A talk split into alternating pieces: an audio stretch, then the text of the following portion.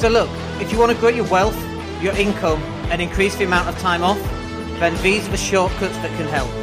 Welcome to the Wealth Creation Podcast. Welcome to the Property Cash Flow Podcast with your host Daniel Latto.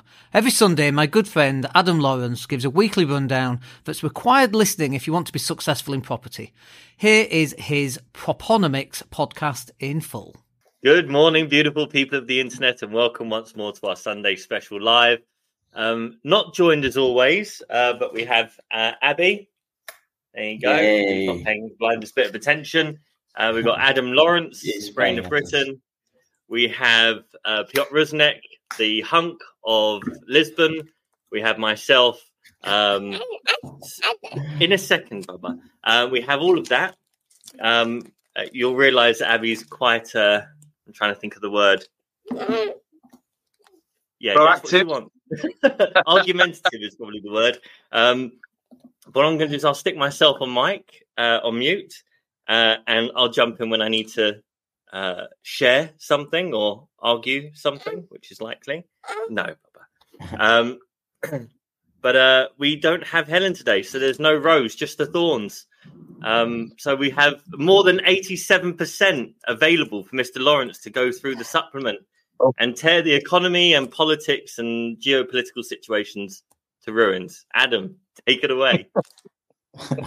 what an what an invitation to treat that is, Jay. How lovely. Um, so it's been a a good week, really, and I tried not to rain too hard on the parade of of a lot of the analysis that I read. Obviously, in the sort of mainstream headlines, it's very weak as it always is. But if you were hiding under a rock, inflation was down to 4.6, which was great news. Even the uh, most keen of forecasters only had it down at about 4.8 on average. Um, and there was a few saying it might stay above five. So 4.6 was a great print. Um, although when inflation loses a lot of pace, it's usually because there's quite a few disappointing things going on in the economy. Although not so much for October, because it was primarily based on the fact that the energy price cap dropped down significantly, 17% from the 1st of October. That's helped people massively at a time of year where their energy bills go up, obviously, because of heating going on, apart from anything else. And we've still got, as we had last year as well, a pretty mild winter. Hasn't been great for water, especially in certain parts of the UK. Um, but the temperature has been pretty high, and we're still looking at, you know, plus 10 degrees, which keeps the heating bills right down for people, apart from anything else in general. So that's good news. Um, core, little bit more active, a little bit more aggressive. Of course, remember that core strips out food and energy because those are more volatile prices. And so, of course, when those that were dropping had been stripped out, core still remains high. But again, it printed still just below where the forecast was. So it's still 5.7. Not great, but it's not starting with a six or a seven. So that's pretty good news. You'd be much calmer if you saw it below five. You'd feel a lot better. Um, but Germany is still above five as well. So it's not like we're on our own of Western nations. Um, but then services inflation and, and wages was the real sort of temper that I had to add in this week because services inflation is 47% of, of the component of the CPI because we have such a big services sector in the UK. And obviously, services prices are strongly, strongly linked to wages because apart from anything else, what's a typical professional services company doing? It is selling expertise and time to its clients, whether that be an accountant or whether that be a plasterer. It's not the point that, God, the plasterer gets 350 quid a day. It's the point that the plasterer has learned his or her craft to a level whereby they can do in a day what would take you three weeks if you watched it on YouTube and achieve a 500 times better finish, which is why they can hmm. command that 350 pounds a day, right? So people in services companies and the owners of services companies are selling people's time to you on an hourly or a daily sort of basis or a, a more ongoing basis sometimes, depending on the setup. So when those wage demands are high, then they try and recoup those by raising the prices that they can charge. And we're still at 7.7%. Now, those numbers only run to September because wages run a month behind because that's where the ONS are at with things. Um, but 7.7% was the annualized three months from July to September wage rises without bonuses, right? Now that's obviously well above where the inflation rate was in October. And traditionally, and where people get concerned, and had a little bit of a go at traditional economics this week because it's not always that helpful in these situations. You need more context. And the context here, of course, is that we had a long time where inflation, however you measured it, was well above wage rises. You know, we had a situation between about the middle of 2021 and the middle of 2023 where so two two long years, but not just the two years, but the gap was really really significant. Sometimes it was five percent if you measured on one particular month. The difference between how much prices had gone up and how much wages had gone up, and that's really significant for people's standard of living. So the traditional economic viewpoint is to get very worried about wages because wages drive what happens in a services company when people want higher wages prices of those services have to go up to pay those higher wages what happens when those prices go up because services inflation is 47% of cpi people need higher wages that's the the death spiral upwards the wage price spiral that everybody worries about and that the government used as the stick to beat the unions with over the course of the past 12 14 months right we have to control it. And this is where, you know, you might remember Andrew Bailey made himself no friends by telling people not to ask for wage rises, despite mm. getting paid £568,000 a year and not being that good at his job, um, which is obviously not ideal. So people are obviously pretty hacked off about that. And some union disputes are obviously still just sort of trailing on, but you can see by how much of them are in the press or not these days that largely most of those disputes have been resolved most of those disputes have included pay deals for next year already baked in. So, very unlikely to see anywhere near as much social unrest as we were. And this below 5% is really, really good news because high inflation damages mm. the fabric of a country. And you see that as you go to the examples around the world, like the Venezuelas and the Argentinas, where they've got inflation in the thousands, tens of thousands, millions of percent potentially. It seriously impacts day to day life. You know, you can't buy a loaf of bread without pushing a pram of notes to the shop. And you can buy it at nine o'clock in the morning and you can't afford it with the same money by five o'clock at night. I mean, it's it genuinely rips apart the fabric of society, which is why um, the Bank of England and the government are so keen to keep it under control. So it's a good thing. But with the, the standard of living having dropped over the past couple of years for the average person, who of course doesn't exist, but you know what I mean. Um, with that having dropped, then as people get wage rises again and again, then all they're doing at the moment is they're catching up. You know, they're not going forward in real terms from where we were before the pandemic or where we were certainly at the, the height of the stimulus hitting the economy. So that's a good thing, as it turns out, because it means some of those wage increases can be absorbed without them being inherently inflationary right? Mm. The problem comes in that your average common or garden economist goes, well, this is okay, because what needs to happen at this point in the cycle is that the companies need to accept that they've got a lower rate of inflation and therefore their mar- they, they can't put their prices up as much.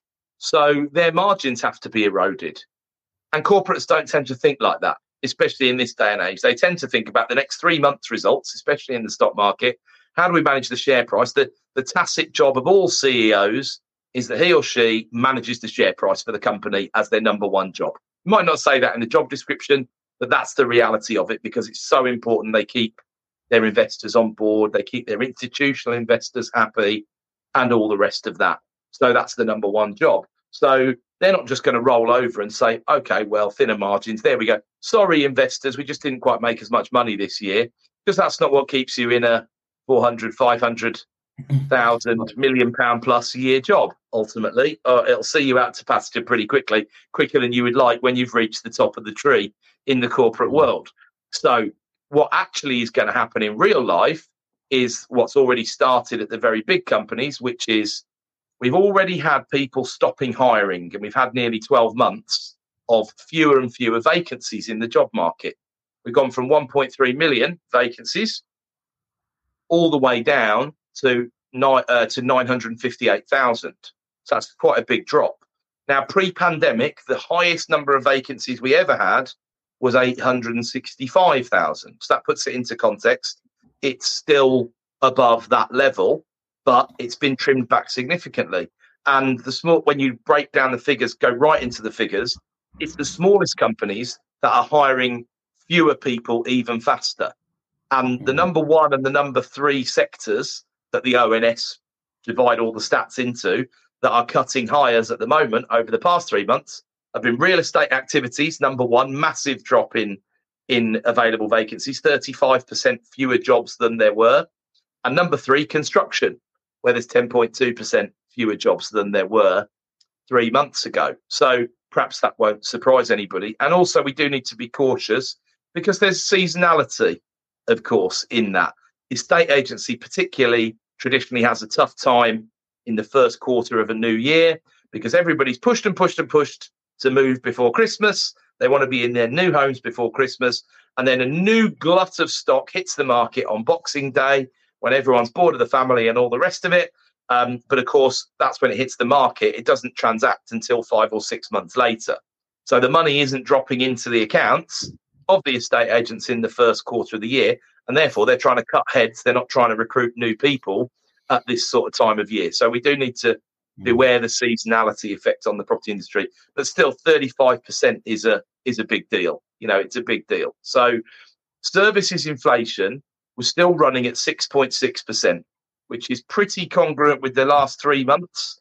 And it hasn't lost all of that pace like CPI has, because it hasn't had that event where the price cap has come off the top of the energy market and therefore domestic energy prices have gone down significantly. Where is that event that controls it? We don't really know. So, traditionally, as I've said in the supplement this week, wage rises are dictated by people's expectations. If they think inflation is under control, and that's the narrative that they believe in, and of course, this is why Sunak made it one of his five pledges because he knew that October 22 was so bad that October 23 would likely be better on the back of things that were completely outwith of his control because he doesn't control the energy price market. Of course, he doesn't. And of course, if it goes wrong, he just blames the Bank of England. So it was a bit of a free bet for him, and he's achieved at least one of his outcomes there. Um, the other four are, are, are, a different kettle of fish, really. But he's achieved one of his outcomes, and it's going to drop towards the end of the year in CPI anyway, which is a good thing. But if services inflation is still 6.6 and wages are 7.7, you can see, first of all, there is a little erosion of the corporate margin going on there. Because if your biggest cost base is wages and they're going up 7.7 and your prices are going up 6.6, you probably are suffering from a margin perspective, although you might be able to, to, to make cost savings. And this is what's happening at the big companies. They're cutting heads. They're not just stopping and slowing recruitment. That's what's been happening for the past 12 months. They're now cutting heads because they realize if they want to deliver at the same margin or improve figures for the next year, they've got to either do the same work with a few percent lower headcount, because we'll get to January and the salary negotiations will start, and people will be going, I still need 5%, 7% to try and catch up with where inflation has put me. Although that's not the company's problem, that's the sort of conversation that people are going to be having, right? And that'll be the, the, the first port of call. And if you don't want to erode your margins and you don't want to lose your own bonus or you don't want to work for less money, which few people in business that I know want to work, do the same work or work harder for the same money. That's basically the proposition that you're looking at. Mm-hmm. You've really got to cut heads and you've got to improve productivity. Now, of course, you could say, well, AI could help improve productivity in many firms. Especially I was going to say that, but um, yeah. you're doing really well. yeah, and, and, AI will it will improve productivity in firms, but is it ready at the moment? A lot of the stuff we've tried to do with it, it's good, it's passable, but it still needs a lot of human intervention. Now, it might well be able to do a lot in terms of writing copy for marketing, for example, because it can it can just produce output so very quickly. And I'm one of the people who believes hardly anybody reads anything in detail anymore which seems a bit perverse when I produce two, three, four, five thousand words of content on a Sunday morning. I know, um, although I do know that quite a few people read it very carefully, and I, I thank those who do. But for doing that, and it, it helps me to organise my thoughts well, as I've said before. But AI is it ready to really push productivity forward next year? Because goodness knows the UK economy could really do with that. I don't think it is. I think most of the most of the thinking out there says it's really going to be two or three years before. And it, if you think back to massive discoveries of the recent past or epiphanies, you know, which would include renewable energy, which would include things like graphene. Do you remember when graphene was discovered and it was, you know, going to be the next big thing? And that was what, 15 years ago? And it hasn't made mm. that much of an impact as a super material or whatever, although it is, it does have uses in various things. AI think, will be like that, I think. Yeah, it's, it's, it's, I mean, it's changing so much, and but it also requires people like us to learn a lot about it, how to use it, and and and then the more we learn how to use it, the more the companies that produce AI kind of learn how to adjust it and how to make it easier to use and stuff like that. So it is a bit of a learning process, and will take like two three years for people to actually be able to properly like uh, use it. But um, yeah, um, it's it's a well, look at, process. Look look at look at Bitcoin. You know, it was a it was a minority thing for what probably eight years before sort of 2017 before it really started to take off. Even though it came out in 2009, and it hmm. still wobbles and pitches and yaws, and people still aren't really sure about the utility of it, and it's still more of a gambling tool than it yeah. is a truly um, in, and really, the blockchain, which everybody has always said all along, is the big thing to come out of Bitcoin rather than Bitcoin itself, which is a bit more like a cult, really, than anything else. Um, the blockchain and its implications would be, I mean, but we still live in a world where you can't search the land registry for Adam Lawrence. I mean, and then you wouldn't be able to tell if that was this Adam Lawrence or another Adam Lawrence anyway. And we've got, remember, the most revered and respected land registry in the world. You know, so we're millions of miles ahead of stuff like that. So change at that level. If you think, you know, Jay will correct me if I'm wrong, but I believe the precedent case about e-signatures was taken to court in 2003. And so we're 20 years further on from that precedent case that e-signatures are legally binding and people still don't want to use these signatures. 20 years. So we can't just expect 2024 if suddenly ai solutions to rain down from the skies and we're all on universal basic income and everything's all all wonderful. It's going to take years to implement and use properly. And i think one of the wisest things that i've heard said is your job's not going to be replaced by ai but your job might well be replaced by someone using ai to do your job better than you do. And that's where the real the real lesson is for me. And of course, this week, OpenAI, who are the creators of the wonderful Chat GPT, have lost their CEO, haven't they? Sam Altman has been stood down, um, and there's was, there's change the first, at the top. That was the first person who lost job because of AI. oh, the irony is just is just utterly crushing, isn't it? Really. One of the things interesting, Adam, about the e-signatures is um, we're, we're selling something at the moment. Well, we're trading something as we, we tend to be doing. We're trading something, and I was sent the uh, the TR1 form just to do the standard, you know, just getting everything ready. Very good, Baba. Um, but um, they uh, the solicitor had sent me the uh, TR1 as if um, you know myself and Piotr signed as if we were in front of each other. But Piotr abroad, so you had to then resend a new TR1 for me to sign and have a, a witness sign it.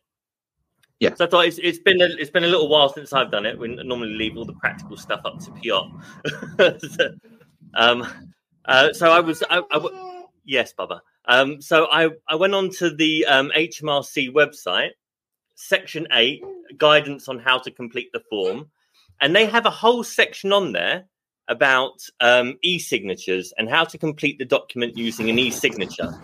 So HMRC accept e-signatures Companies House accept e-signatures. The problem is solicitors do not like e-signatures. So do the land normally... reg? Do the land reg not? I was told the last time I asked, which is a while actually, that the land reg still don't accept them. Do you know what their position is on them? I have. I didn't actually look at that, but that's actually a really good point. But I mean, before you even get to land reg, you kind of have to yeah. You've got other barriers to cross, yeah. right? It's just you need your book. gatekeeper of the land reg to be on board with you. Yeah, absolutely. Yeah. So uh, you you find that actually it, it's the um it, it's the process and the guidance from the solicitors that that kind of, and it may be that they're mirroring what Landreg is saying, but on the HMRC side, they're absolutely fine with it. Well, the, so, the the whole, I mean, the solicitor gatekeeper thing is so interesting because I've heard this week of several instances of solicitors giving tax advice that's wrong, by the way, giving tax advice that's wrong, um, stepping in to tell people how to do deals because they've done a few mm. deals themselves. This is like, guys, I mean, if you, apart from anything else, your professional indemnity insurer would be utterly horrified if they heard what was going on. But what about, you know, duty of care to the client? It's wrong. What you're saying is wrong. It's insane. But one of the you know, things that I look out for when we're dealing with a new solicitor, which is rare, we have have a pool of three or four that we we split business between depending on what we have. Um, but any solicitor that we approach, then we talk about, you know, we're trading. If we're back to backing, we say, oh, no, well, this is self cert. We're, we're, we're, it's a, a sub sell tax relief. We're, we're not, we're not paying any stamp duty. The moment they start to t- try and advise us on tax, I'm like, okay, we can't use this solicitor again because any reasonable solicitor will stand back and go, I can't tell you what's right or wrong here. You need to get proper advice. And that's how that's it's a very it, it's not a very small thing. It's one of the things at the very end of a conversation. one of the things at the very end of a conversation that tells you whether you're dealing with a, a proper solicitor or a pretend well not pretender, just someone who's trying to get too busy on things. And yeah, someone who's trying to say they know more than they do. I totally agree. And where you where you struggle as well sometimes, and this is the problem with the larger firms sometimes, they won't necessarily proceed without written tax advice. I had a case several years ago where the stamp duty we were being told we had to pay, and we had to use this particular solicitor. It was to do with our SSAS pension. And we got so far down the line, it was quite complex. We were splitting the titles, we were doing a whole variety of things, and we didn't want to change. And he told me, look, the stamp duty you've got to pay is 2,000 quid. And I knew he was wrong, right? I knew there was no stamp to pay on this transaction. So I argued tooth and nail with him, as you'd expect, for the sake of the 2,000 quid. And he said, look, if you can proceed with written tax advice from a chartered tax advisor, you can supply me with that, then I will do the transaction. And I said, look, I'm not being rude, but my tax position is my own. I'm responsible for my tax position, and I'm comfortable that this is correct. And he said, Well, I don't care about that. I want the written advice, otherwise, we won't proceed. So I had a quote for the written advice. And irony of ironies, the written advice was £2,400. So it was cheaper not to get the written advice and just pay the SDLT and get on with the transaction. But and of course, look at reclaiming that SDLT further down the line, which is the alternative in that. But what do you think happened with that solicitor? Never used them again. Never would, because it's just I'm, I'm if I'm happy to indemnify, I'm happy to put in writing. I take 100% responsibility for my tax position, which, as it goes, you, anyway. you exactly, and that's one of the big things that's come up with the whole Dan Neidle Tax Policy Associates conversation with various companies that's been going on for the past six weeks or so. Of course, you're responsible, just like you're responsible as a landlord. If the agent does something for you, the agent is working on your behalf, but in the in the um, in the nicest possible way. It's your head on the block, isn't it? That's the way it is. So that's that's what you've got to get used to. So why are you then? Because you're incredibly nervous of litigation, and we still don't live in a massively litigious society. But why are you then trying to defend yourself from litigation that's not going to happen? I'm asking you, Mr. Solicitor or Mrs. Solicitor, for an execution service, is what I'm asking you for. I'm not asking you for legal advice. Generally speaking, in conveyancing, you are talking about an execution service, which is why it's cheap. They don't have to advise on things left, right, and centre. And this is why people are horrified when the solicitor tells them it's 500 quid or 750 quid to review the auction legal pack because they've got to do advice. They're not doing an execution service. They've got to do bespoke advice. If they're following a conveyancing transaction, then they're going through their sausage machine process that they've been through ten, hundreds, thousands, tens of thousands of times before that any well organized firm will have a process map or an online version or whatever, and there'll be gates to be kept in that map whereby priority searches are done, whereby TR1s go out for signature, and it's either to both or to uh, one with a witness or, or whatever it is.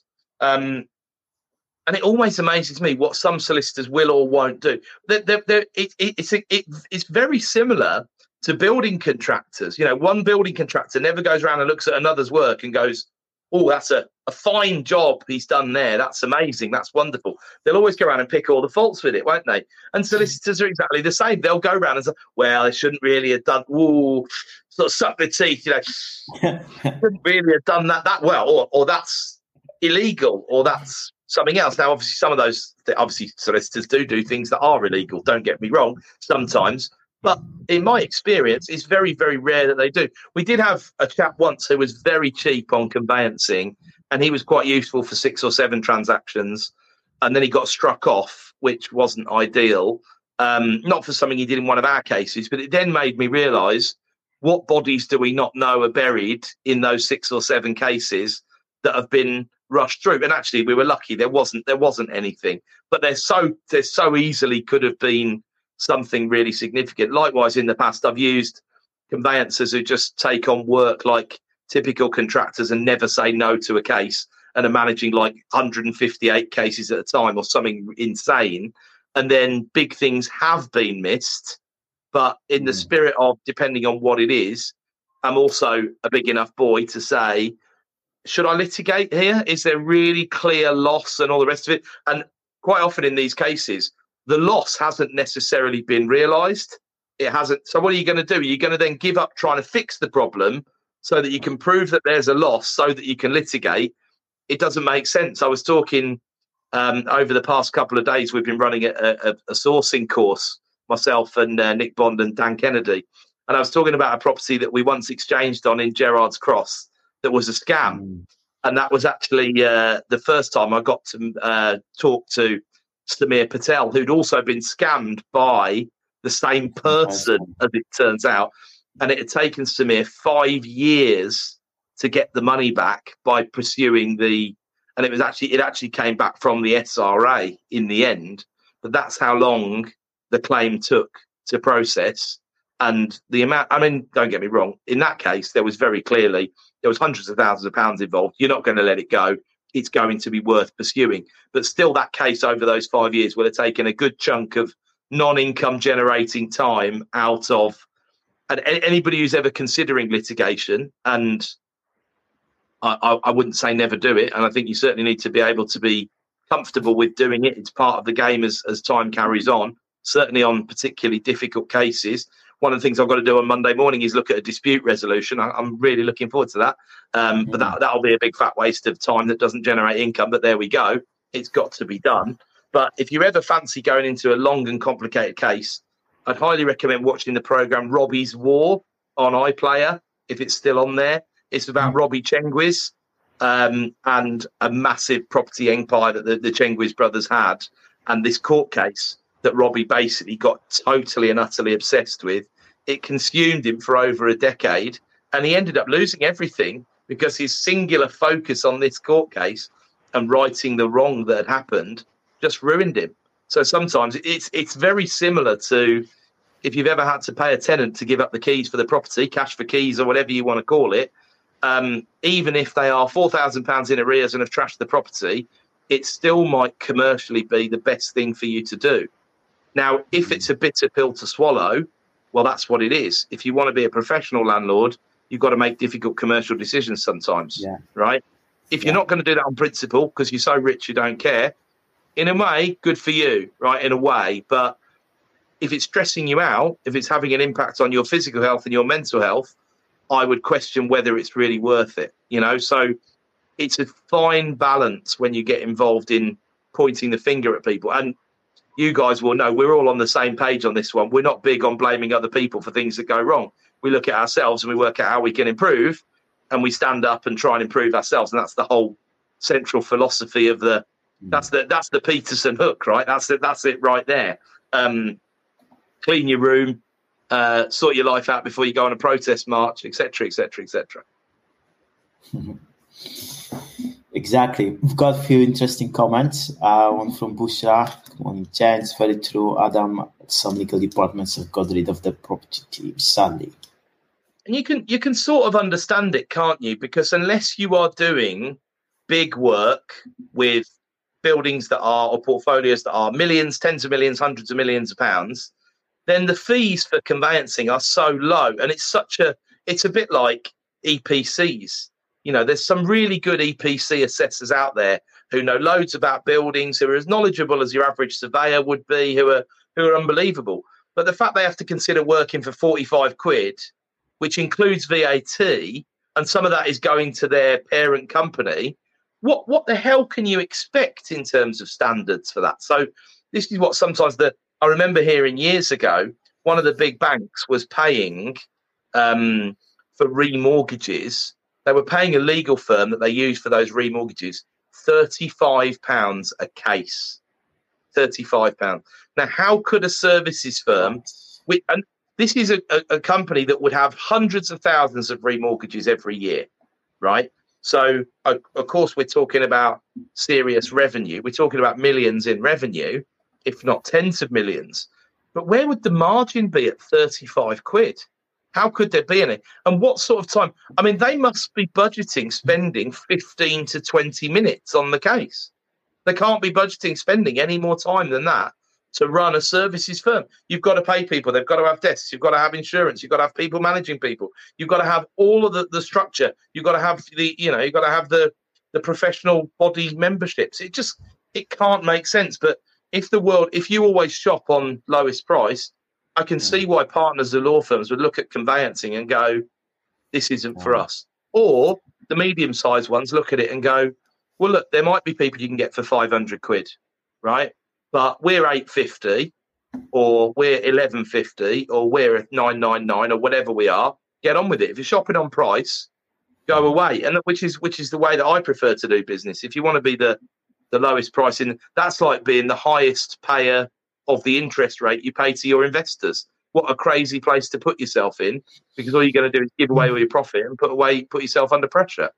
Yeah, and uh, also from Busra, but this time on Facebook. Busra, you're running two windows on your thing. one comment from YouTube, one comment from Facebook. But uh, uh, this is about the problem of e-signatures. Uh, and we also have to make sure SLA rules and PI is okay with it. Crazy someone understand. um, yeah understand. well done. well done for double platforming though. That's that's getting our views up bushra. Well done. Full marks for that. Thank you very much. Um, amazing. Well some comments from linkedin as well from hanin there's everyday increase of warning about ai uh, there is. And actually that case of firing the sam altman was uh, apparently partly about uh, him going for the profits instead of the safety too much, and uh, that's kind of like the main main uh, non uh, how do you say non publicized reason about him being fired. interesting. Interesting. Um, good. And one more question not question but comment from Hanin. Regarding social fees when it comes to auction should be a package offer including the package review things have to change to support a sustainable system. At the moment, the cost is getting higher, out of control, which will affect the market in the long run and stop. And I do, I do know, I, have thought this for a long time, but I do know a few firms who offer this these days, where it'll be maybe it's five hundred quid to review the legal pack, but if you buy it. 250 quid of that will be contributed towards your conveyancing fee or something like that, which is a very reasonable way of doing it. Although there are new competitors, I believe, in the what was the Aukspace space, although Aukspace is no more. I think there's is there auctionlegalpacks.co.uk is that or .com? Um, that we seems to be one. I'm not I'm not sure how much they charge. Um, and and of course these things can work because they can be very disruptive. It's a bit like the way that Blackcircles have worked in tires or um, you know, if they can drive enough volume, then they can get solicitors who, in their spare time, want to earn a few extra quid, and will do. Well, they'll actually do the work. So they're cutting out the partners of the firms. Really, is what they're doing by by achieving this. Um, but of course, you have to be careful about if you, if you want someone to read a legal pack so that you can sue them, right? Then I don't think using one of those companies that's popped up and might not last in the space is going to be the right way to do it. Um, if yeah. you're look if you're looking at and, you have to you have to you have to look at the risk versus the GDV, don't you? and, and the outlay that you're looking to put in. If you only buy, like we would, one in 20 or 25 properties that you bid on at auction, right? Then if you add 500 quid to every single one of those, then to every auction purchase, you're adding 12 and a half grand or something like that, Yeah. which means you'd have to knock down what you were paying by more and you'd buy fewer properties. So at the 100 grand level, you don't necessarily need to do that. If you're going to buy a building or a portfolio, you know, one, two, three, four million quid through auction, and then I don't think we need to be having a conversation about how much the legal fees are for your solicitor to review the back ultimately. Um, so Yeah. it's horses for courses, isn't it? Yeah, and also I think a lot of people. I mean, uh, it's like being a, a beginner wanting to review auction legal parts is um, can be expensive. But professional buyers, they would have their own solicitors who would just review the legal packs for them for fairly cheap because of the volume of work. And also, they would require only certain parts to be reviewed, or they would ask specific questions. So it would be very different. And I think auctions are kind of meant to be a little bit for professionals rather than just for beginners. Uh, and and beginners, unfortunately, have to pay for education. But I know you guys would also say that it's also what's not in the pack that's really the problem rather than what's in the pack as a general rule, you know. Hmm. Have a look, always have a look at the special conditions and try and figure out for yourself what they mean. You've you've got to because you've got to take that level of responsibility. But what's not in the pack and what's missing, and as you say, Piotr, that is you don't know what you don't know, so you need to educate yourself around stuff like. If only there was a great book on auctions that someone had written that at this point. Oh, just looking at. Nicely done, Jay. Nicely done. Well modelled, sir. Well modelled. You scrubbed up well this morning. Amazing. Brilliant. Well, um, great. A couple of more comments. Um, someone from LinkedIn is asking, uh, Morning Adam, if you could repeat the iPlay title and overview again, would be great. So I think it's the title that's uh, the issue, right? What, what, what was the title? The Rob? Or What was the title of what? Sorry. the title of the iPlayer movie you mentioned? Oh, um, Robbie's War. It's called Robbie R O B B I E. Robbie's War. And Robbie's War. Tchenguiz has got a very particular spelling. You can read about it online as well. So Tchenguiz is like T C H E N G U I Z, I think. If you haven't heard of the Tchenguiz brothers, um, oh, so it's uh, Robbie's War, The Rise and Yep. Fall of a Playboy Billionaire. there you go. There the you go. But it's the Okay. obsession with the litigation that gets to him. So that's well worth uh, well worth looking into. You know what? We've got nearly 40 minutes in and we haven't yet mentioned the cabinet reshuffle, which is quite impressive. Um, and also not that impressive if you think about it. I, I, I remember hearing, I heard about it first and I heard that Cameron was coming back and I was like, hang on a second, he's not an MP. And then I must say, despite studying politics as part of my degree, I wasn't aware of quite how many non members of parliament had been in front bench positions, even in the past 50 years or so, and even under the Blair administration. You know, Mandelson was was in a front bench position. So, A, there's hope for me being Chancellor of the Exchequer yet without being an elected MP. So you never know what could happen. Um, although I think I'd prefer a wild card seat on the Monetary Policy Committee at the Bank of England if anybody wants to uh, make that happen, um, which is good news. But B, I, I wondered how you guys felt about that really, because there's a number of different ways that you can feel about Cameron and that whole that whole scenario, and what you think about what Sunak's done this week. Really, I find it uh, difficult to comment. So You don't need to this is actually really very interesting. I, I thought that Rishi Sunak, when when when he um, sacked Suella, she sent this scathing letter, or at least everyone's been saying it's so scathing. Um, he appointed um, David Cameron, and I saw that was him trying to move a very right, what was becoming a very very rightist party, a little bit more central. And the way that she basically said, I think you have no intention of doing this disgusting thing, this deplorable thing, this thing that's against the cause of humanity. I thought that was more her saying, This was all my fault. Your now hands are now clean. I thought, well, that's amazing. Like, uh, how they've they positioned that perfectly. And then Rishi went to court and still is trying to push people over to Rwanda. And I thought some people doesn't want to. Some people just don't want to take the bone that they're given and go right. Well, actually, if we're a little bit more central, most people tend to sit in the center. You know, you may have an extremist view here or there, but generally speaking, you're going to be somewhere in the middle. So if you're a, a competent party, which there isn't one yet, um, that's sitting in the center, that is look paying attention to the voice of the people, you got a good chance of being re-elected. Got no chance of that now. Not that well, I, I think that's a real struggle. This um, is an interesting. This is an interesting thing. Not this interesting thing here, but um, it's an interesting thing because you, are dead right. Elections historically are always won from the centre, and then I've heard some commentary this week saying, "Well, that wasn't the case with Boris because, like, painting Boris as some kind of right wing lunatic." But Boris has been a liberal all his life. You know, he's always been. He does have some fairly crazy views, but the big government that Boris wanted is not in line with the hardline conservative, near libertarian kind of views where you shrink government within an inch of its life.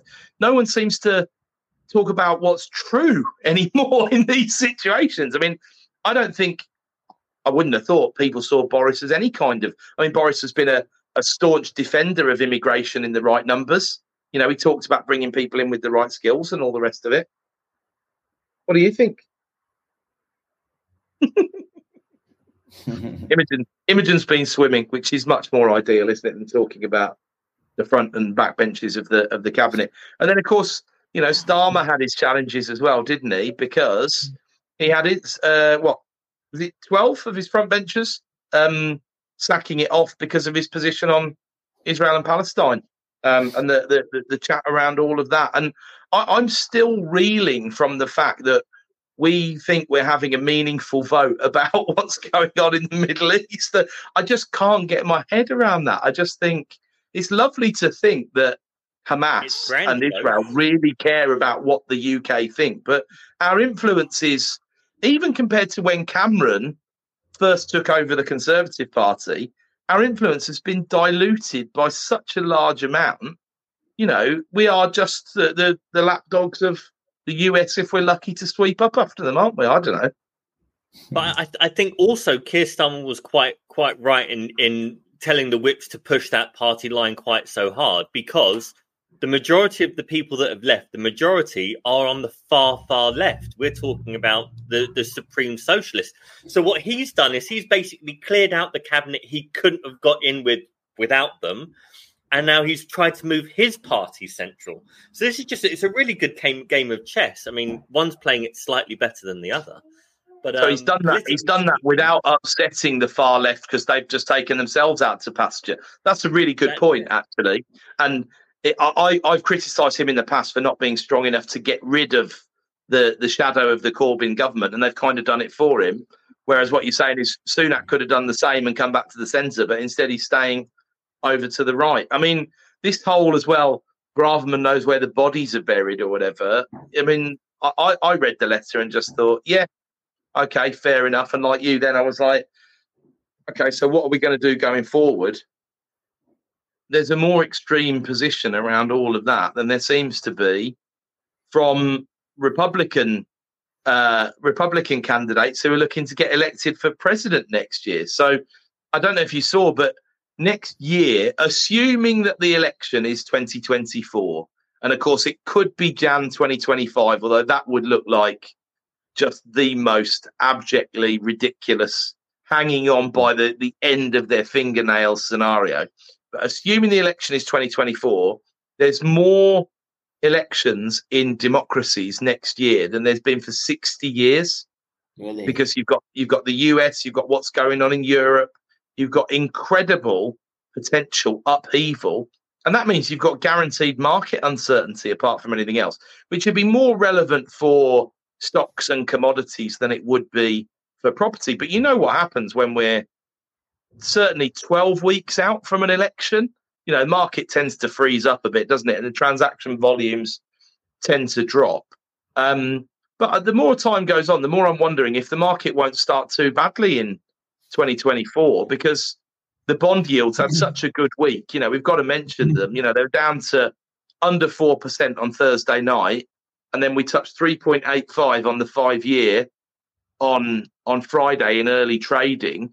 And I think that's really low when the base rate is 5.25. Um, but it bodes well for four and a half percent limited company mortgages coming back relatively soon, you know, relatively soon. I, I think December auctions are like probably I'm not saying the last time to buy really good deals, but it's still an amazing time to buy buy great deals because everyone's expecting things to go badly. But all the things that are in the background uh, that will then show up in three months or six months are better and better, and uh, that will improve things. So, like December, I think it's going to be super good for buying things because low competition, good deals and still things are going to improve in like three six months. And it used right. to be the case that the really, really busy auctions would be in February, which was sometimes the last main auction before um, end of year accounts, right? So if you had, you know, if you're a company and you had excess and you needed to deploy, that would be your last chance in February. So February was for one of those reasons was really really good to buy. But actually now people are people are getting in ahead of that tombstone and going right. Well, December is now good because there is sometimes well depending on the asset and how it's marketed, there is less competition. Um, I, I, I strongly strongly agree with that. I think that's a really really good bit of insight. I just wondered if uh, I don't know if you guys know how long is the the home REIT disposal going to take, and do you think on the back of that do you think that's had a meaningful impact on the auction market over the past few months? Uh, had a meaningful impact on all SOPs, hmm. but their, their, their, sales. The, the thing is, um, of of the home REIT stuff that we can identify in the catalog, they're selling about half of it. Yeah. So they're flooding one catalog and they're only selling half of that stock. Now, that may be that they put that into rotation in a six months time you'll see it come around again at a slightly different price point which is if i was asset managing that would be the route that i would take. Um, but it, it, it's difficult to say. At the moment why would you really wait six why would you wait six months jay just out of interest?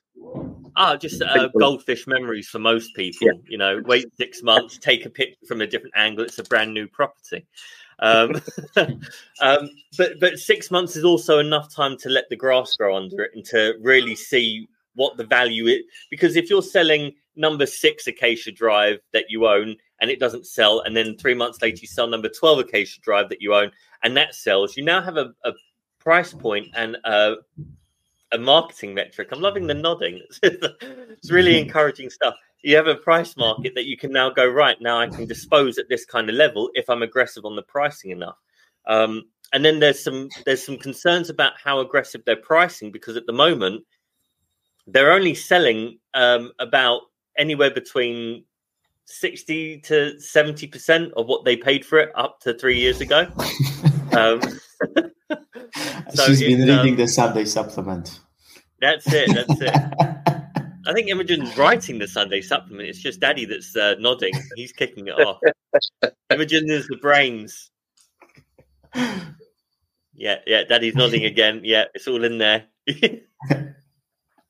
that makes sense. So I, I, saw from a few of the headlines they're kind of they're selling at sixty five percent uh, lower than the, the the the strike prices and stuff like that. And I mean the losses are just going to be I, I can't imagine bigger loss in property than what Home REIT have done, and and what what the people who've skimmed the money out of the the whole transactions have done. And it's such a good lesson to learn there, I think, for people because I've always said that this about commercial valuations. You know, commercial valuations are fabulous if you have stability, if you are sophisticated, if you have liquidity. I mean, if you if you imagine if you think about the commercial property market for the last four years, right? You had 2020 where they had arrears at what was it about 50%, something like that across the board at certain points, you know, the most incredible levels of arrears.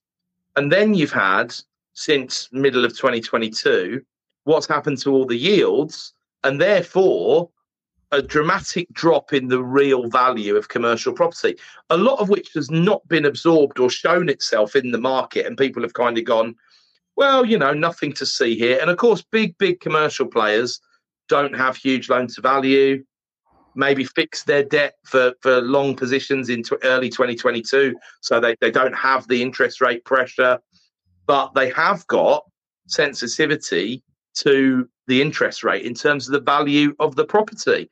And the industry has actually probably deserves quite a bit of credit for the way it's kind of it's done what it did leading up to 2008 and kept quiet but it does look like they might largely have, have got away with it although i must say one of the things that I, I put a post up this week or it might just been a comment actually on one of the socials about the fact that it's just so heartbreakingly destroying when you do the research, write a post or write a, something like the supplement, you know, several thousand words, primary research, your, your best thoughts, your best foot forward, and you get 14 likes and a couple of comments or whatever.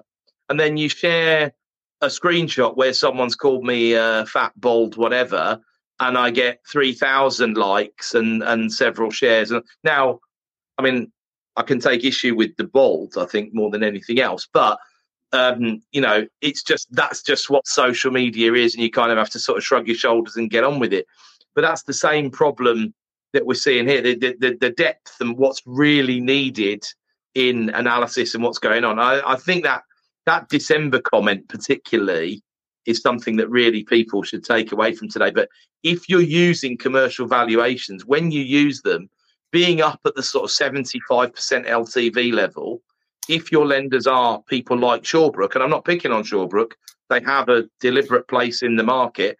But if there was to be a dramatic revaluation, you're not in the same position as you are if you've got a five year fix on a buy to let, or you're with a lender where that revaluation clauses are not within that deal. I was I was telling a story yesterday as well about a a, a, very mini portfolio loan that we took with a bridging lender. I won't embarrass them by naming them on air, but you guys will know who it is immediately. Um, business partner and I bought three properties out of receivership. Um, middle of last year, maybe, maybe early 2022, right? They were 100k each, and they were worth, as they stood, 130, 140k, something like that each. So, pretty good deal happy to buy it. Funded it with bridge, 85% of the purchase price provided by the bridger. Very short time scale because receivers, it might even have been seven days, but it might have been 14. We agreed to do one loan, keep the paperwork down, keep it easy. That was the way it was sold to us. One of those three, they were all tenanted. No, sorry, two were tenanted, one was void, right?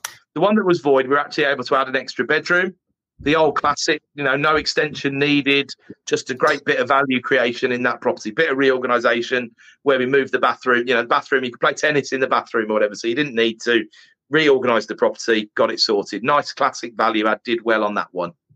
Then one of the other ones was was tenanted, it was in good condition. So we refinanced those two within the 12 months we had the bridge for. The third one, we had the worst tenant we've ever had, incredibly abusive, awful to the tenancy manager. Really, really, really bad communications. A really toxic individual. And they managed to put all the strokes in the book, including breathing space during the, the Section 8, which is a problem that people are facing more and more. The breathing space rules are getting abused. You know, uh, something's brought in which is supposed to protect mental health. And all that happens is the sharp people defending these kind of people at all costs, even though we sent them screenshots and voice recordings and text of the correspondence that had been going on, and it was really, really vile, one way vile, to be clear. Um, we, we weren't going to sort this out within the 12 months. So the bridge was going to roll over. And the bridger tried to charge us our rollover percentage because we don't enter into bridges that have got default rates because it's dangerous, right? We enter into bridges where there's a penalty for rolling over right? We accepted we were going to roll over. We also accepted because it was a, effectively a mini portfolio bridge. The two that we had sorted out within the 12 months, the refinancing proceeds were 100% taken off the bridging loan. So I think we had about 35k left on the bridging loan. and we've got a property that's worth 130 to 140. So we've got plenty of headroom.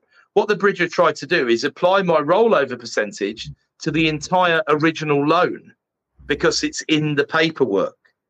So I phoned our mutual friend, uh, one of the people there who looks after my business, and I said, Can I just ask a question? How many bridges have I done with you guys now? And the answer was something like 171 or something ridiculous like that. I said, Right, okay. Does it seem right to you, to a client who's done 171 bridges, that basically the rollover was nearly going to be as much as what the outstanding loan was at the time? And I was like, it, you know, we'll wind back the clock and I'll just pay off the 36k or whatever's outstanding. This is insane. And sure enough, after quite a bit of wrangling, it got agreed that that would be as a matter of goodwill forgiven. I was like, hold on, you talked me into the cross collateralized three property loan in the first place. So I didn't ask for it. You asked me to do it because of the speed. And I said yes on the basis that we've got a good relationship. Whereas next time I'm going to have to stamp my feet and go, sorry, you're charging me the same money. So do three loans and do three times the paperwork and we'll all pay a bit more. Or can you change that fairly pernicious clause in your contract? Because that doesn't seem fair. It's interest only anyway. We're servicing the debt. So whatever's outstanding, surely we can roll over on whatever's outstanding. And we got there in the end, but it sours things a bit when you have to spend, you know, the best part of a couple of weeks on and off fighting for something that you think is just reasonable, especially when you've given a company, you know, that much business and have always paid your obligations. You know, it seems ridiculous, doesn't it? But there we go. There we go. Well, it's 10 o'clock, and uh, Abby and uh, I'm Imogen. I've got new fans. I think we need to have you oh, back, guys. I think what do you think about that? Have you every Sunday, 9 a.m. Okay. See you next week. Deal. Deal. uh, amazing. Well, um, yeah, everyone, thanks for the comments, Hanin and uh, Michelle, Bushra, and um, and also Rakiba and Ivona and everyone else who commented. Uh, great uh, to see engagement. Evelina, so many people commented today. Uh, so uh, that's it's been a brilliant chat. Uh, thanks for our guests for joining, and uh, see you all guys next week. Have a great Sunday. Hey, it's Dan here. Thank you for listening. Really appreciate each and every one of you. Please click like or subscribe to the entire podcast.